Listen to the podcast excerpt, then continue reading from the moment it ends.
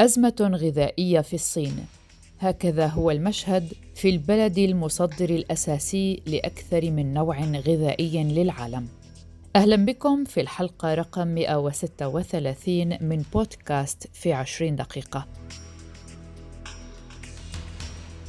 يبدو أن الصين تعيش أزمة حقيقية جديدة بعد أزمة كورونا التي وضعت البلاد في موقف عالمي محرج حاولت التملص منه دون جدوى.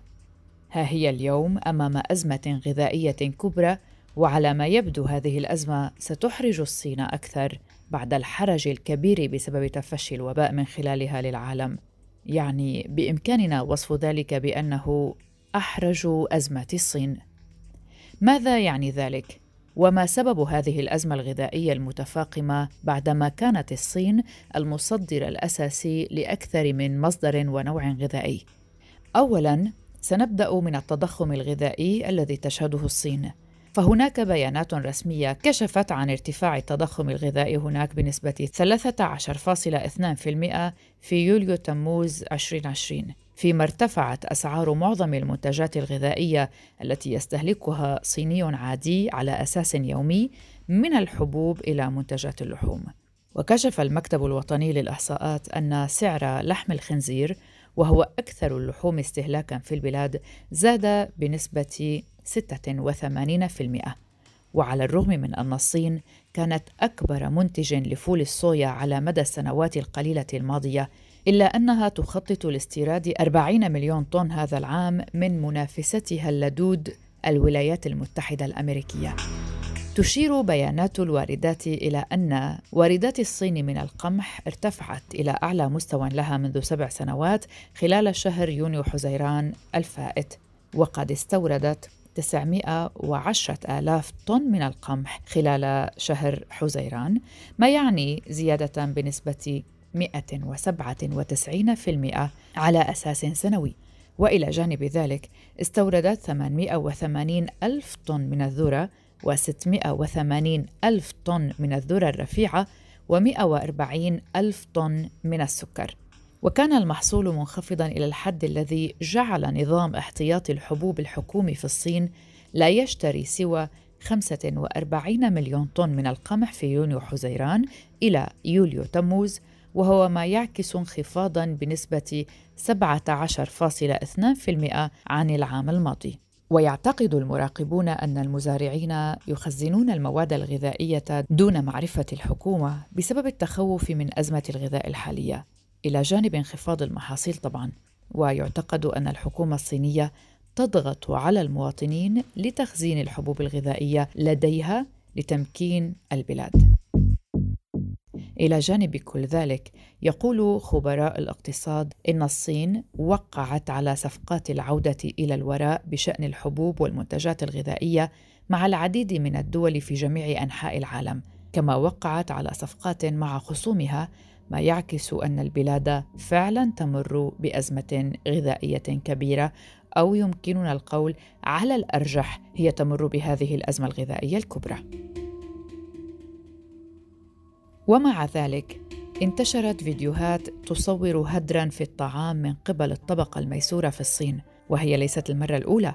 ما استدعى الرئيس الصيني شي جين بينغ ليطلق مؤخرا حملة أسماها الأطباق النظيفة. ويمكن القول هنا أنها نسخة جديدة من حملة تم إطلاقها عام 2013 تهدف أيضا إلى تقليل هدر الطعام في الصين على ضوء تفاقم مشكلة الأمن الغذائي في ذلك البلد.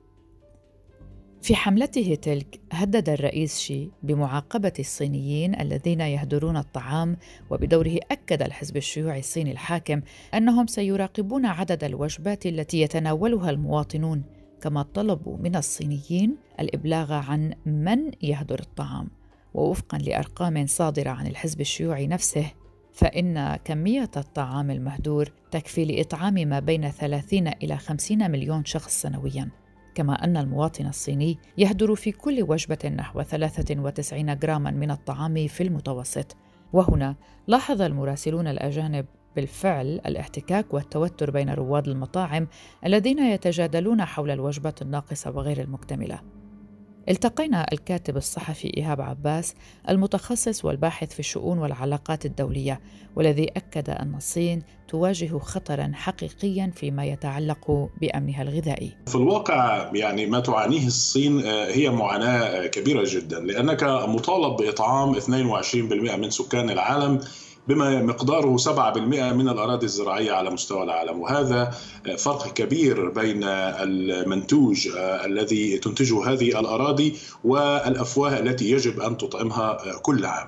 المشكلة في هذا الأمر الآن أيضا أن الصين فيما يبدو أنها ستدخل في بؤرة مجاعة خلال آه، الفترة القادمة تقدر ربما بعد حوالي تسع سنوات من الآن في عام 2030 ربما تدخل الصين في دورة مجاعة جديدة كما دخلتها قبل في آه، خمسينيات القرن الماضي إبان حكم ماو تسي تونغ والتي أدت إلى مقتل آه، أو إلى وفاة 30 مليون شخص تقريبا في ذلك التوقيت بسبب سوء إدارة آه، ما يسمى بالمحاصيل الزراعية في ذلك التوقيت وأيضا التعدي على الأراضي الزراعية الذي آه، أهدر الكثير من المنتوجات الزراعية لمصلحة المصانع والإنتاج الصناعي. والصين كما هو معروف دولة تتمتع بقوة وقدرة بشرية هائلة ربما تصل إلى مليار ونصف المليار خلال السنوات الخمس أو السته القادمة وهذا هو السبب الذي سيؤثر بشكل كبير على الفجوة في الغذاء المطروحة في الصين خلال هذه الفترة. أطلق خبراء اقتصاديون تخوفات وصفوها بالحقيقية من عدم قدرة الصين على إطعام كافة الشعب الصيني على ضوء تناقص الأراضي الزراعية وكذلك انتشار الأمراض والأوبئة التي كان آخرها فيروس كورونا.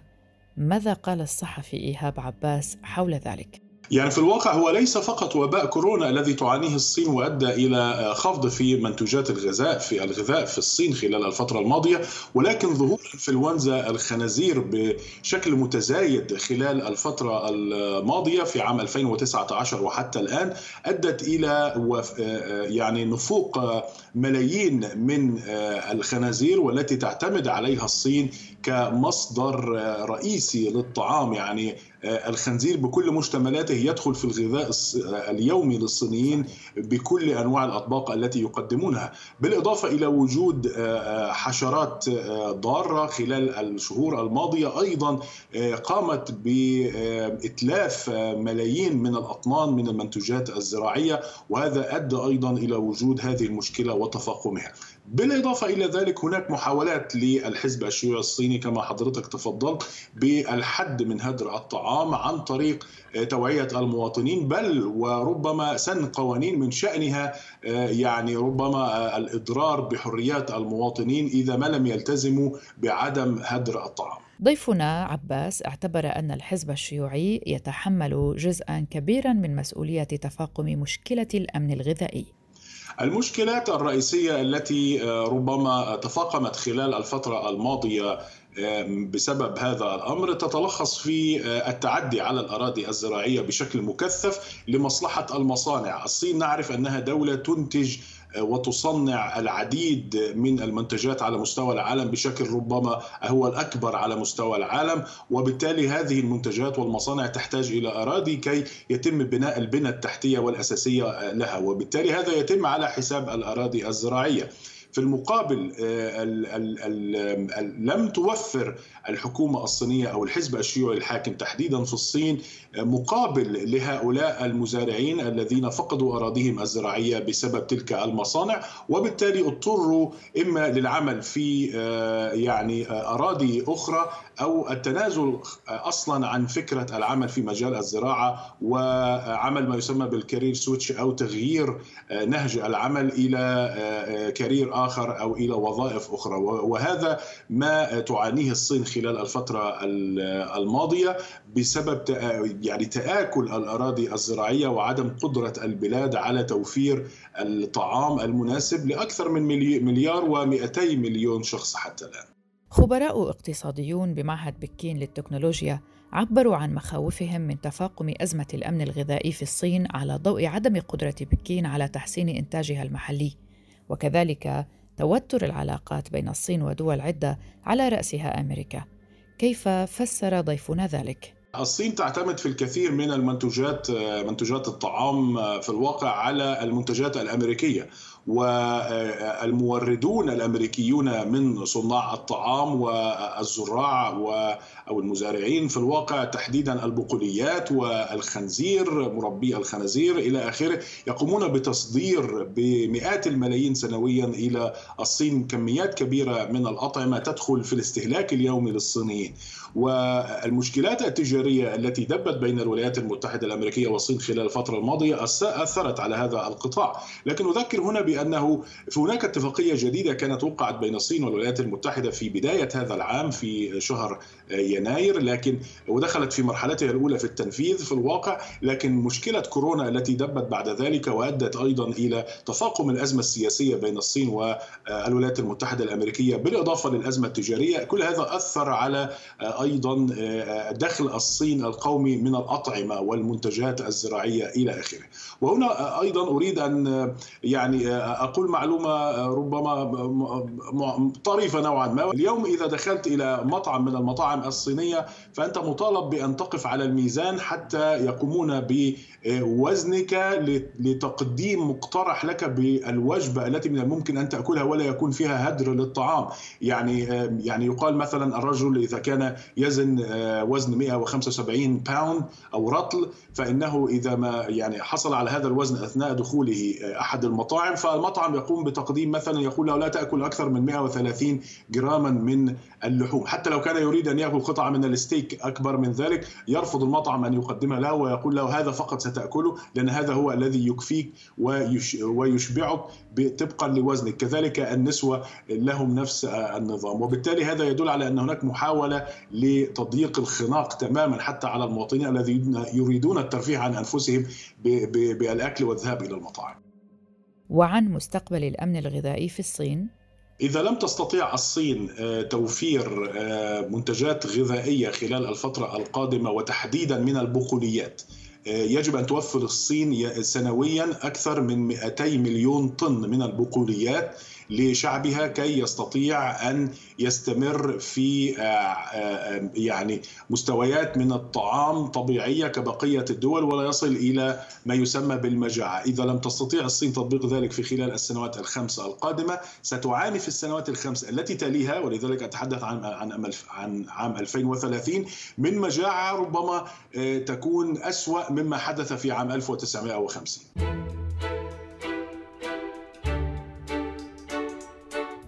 على ضوء ما ذكرنا ماذا تعتقدون بعد سماع ما قدمناه؟ هل يمكن للصين تجاوز هذه الأزمة وإيهام الشعب أنها ليست حادة للغاية؟ هناك المزيد فبالإضافة إلى كل ما ذكرناه يقترن انخفاض الإنتاج بالفيضانات الشديدة التي جرفت آلاف الفدادين من الأراضي الخصبة بالمحاصيل الدائمة.